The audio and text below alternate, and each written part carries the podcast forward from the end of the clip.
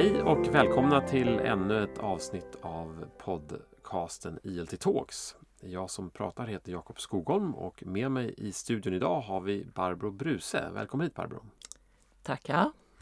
Eh, du ska snart få presentera dig eh, men jag kan meddela att eh, ämnet för dagen går under namnet språklig sårbarhet. Ett område som du har fördjupat dig i.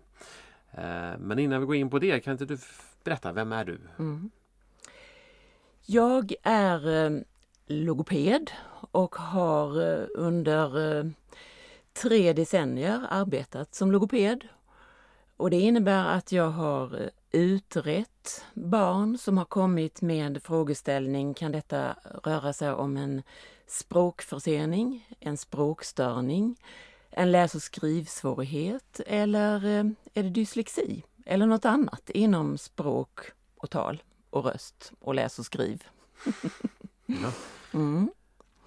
Och eh, de sista tio åren efter eh, att jag var klar med min avhandling som heter Problems of Language and Communication in Children. Så har jag utbildat eh, speciallärare framför allt. Eh, och det är då speciallärare med specialiseringen språk, skriv och läsutveckling. Mm. Och du är verksam vid eh, Kristianstads högskola? Ja, precis. Ja. Bra, och du är även författare?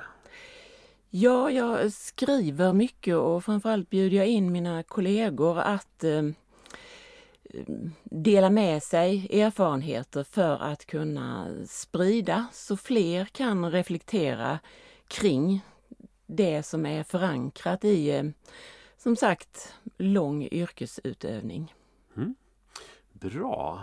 Men kul att ha dig här. Och låt oss hoppa tillbaka till de här orden språklig sårbarhet. Kan du utveckla vad det betyder för dig?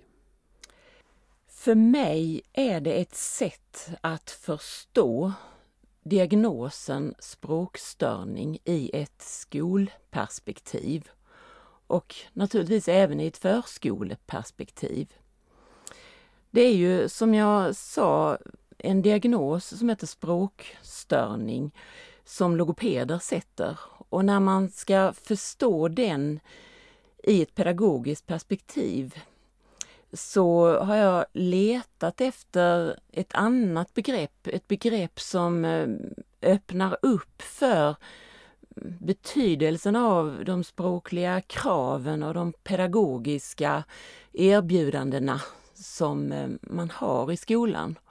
Så att eh, den språkliga sårbarheten är som ett skav mellan barnets, individens språkliga förutsättningar i möte med de språkliga krav och förväntningar som finns.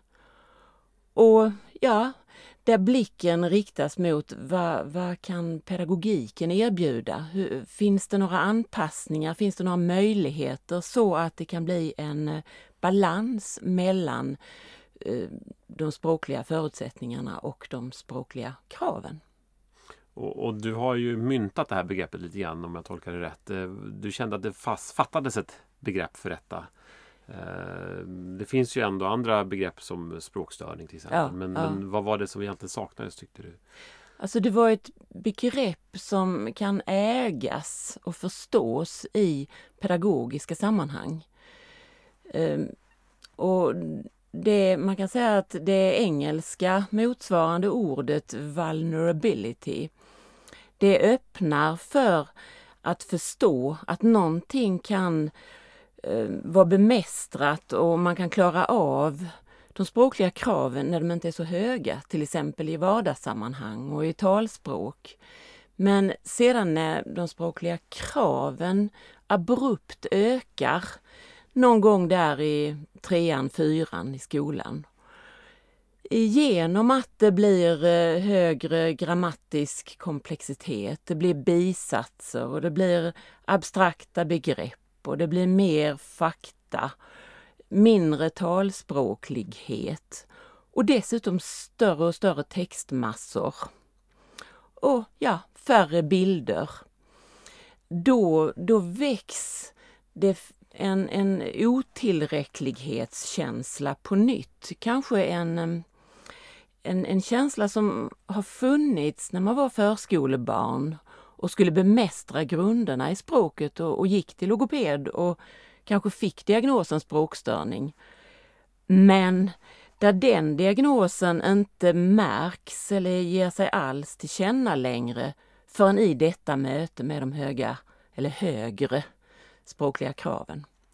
Det är då jag har letat efter ett begrepp som kan förklara eh, språktillkortakommanden på ett mer eh, relativt och relationsinriktat perspektiv där det inte bara är individens, barnets svårigheter och brister utan där fokus är på vad har vi för krav i nya Lgr 11 till exempel. Det, det är faktiskt väldigt högt ställda språkliga krav. Och då gäller det att eh, man säger språket i undervisningen är tillgängligt för alla. Och, och tycker att begreppet språklig sårbarhet är lättare att eh, jobba med och prata kring och till exempel mot föräldrar och, och barn själva än att, eh, än att använda de mer diagnostiska termerna? Ja, det är rimligt för det, det låter lampan lysa på det vi kan förändra. Det vi kan eh, göra något åt i eh, lärmiljön och i lärarens undervisning. Och väldigt mycket pratar man ju idag om ett språkutvecklande förhållningssätt. Eh, både i kunskapsutvecklingen och i den sociala utvecklingen, vänskaps, vänskapandet. Men naturligtvis även i det egna språkliga självförtroendet. Att kunna ja, hitta orden och motivera, argumentera och ta plats i man säger, talutrymmet. Mm. Mm. Och hur gör man då för att vända de här, den här sårbarheten och kompensera för sårbarheterna, tänker jag? Om man tänker sig en skolsituation där mm. mattan har försvunnit under barnens mm. fötter för att det mm. blir så mm. svårt. Vad, vad finns det för verktyg?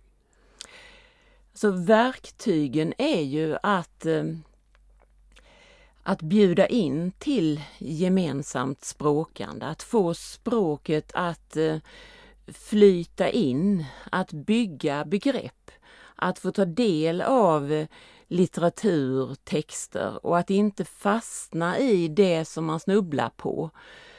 Eh, och då kan jag till exempel eh, ge eh, en positiv kommentar kring detta med inläsningstjänster.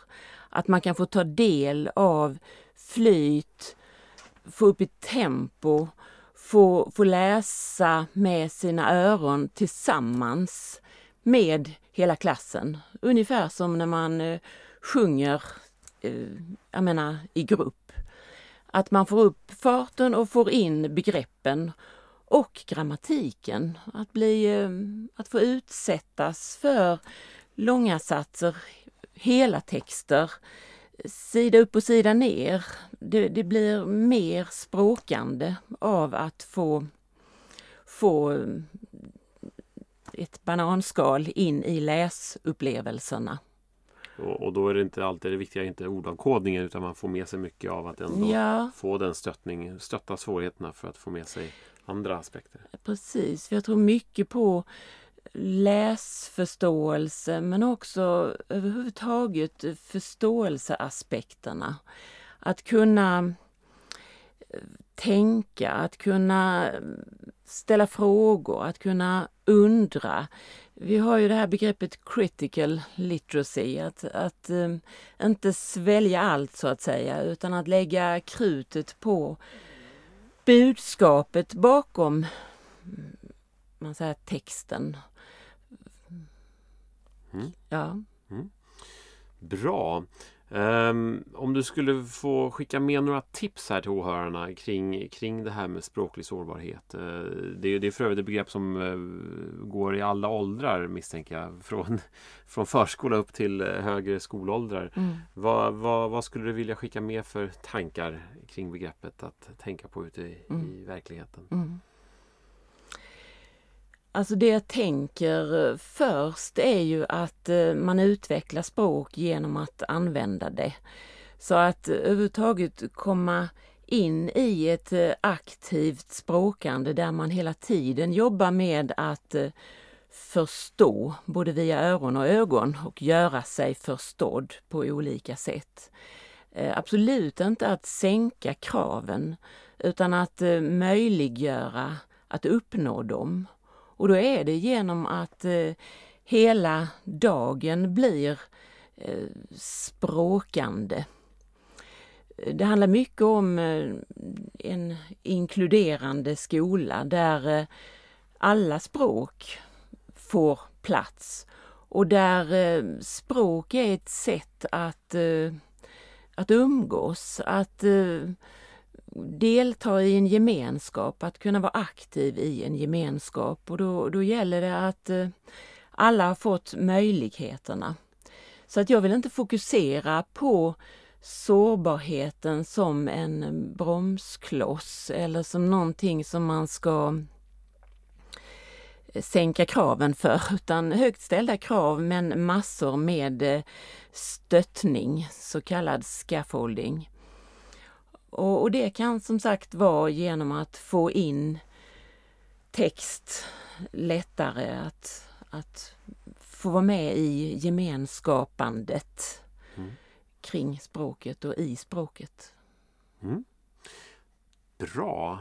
Det får bli de sista orden för den här sändningen. Så jag vill tacka för att du kom hit och tacka alla lyssnare som har lyssnat. Och jag vill också skicka med till alla lyssnare att om ni vill komma i kontakt med oss eh, efter detta så kan ni alltid mejla till podcast inläsningstjänst.se och vi tar hemskt gärna emot tips på andra gäster i programmet eller kanske till och med frågor till eh, Barbro som vi kan vidareförmedla. Eh, vi finns också på Facebook på ILT inläsningstjänst och där kan ni även följa oss och få våra framtida sändningar. Och glöm inte att prenumerera på podden för att inte missa när vi släpper ett nytt avsnitt. Med det får jag tacka för idag. Tack Barbro. Tackar. Och på återhörande.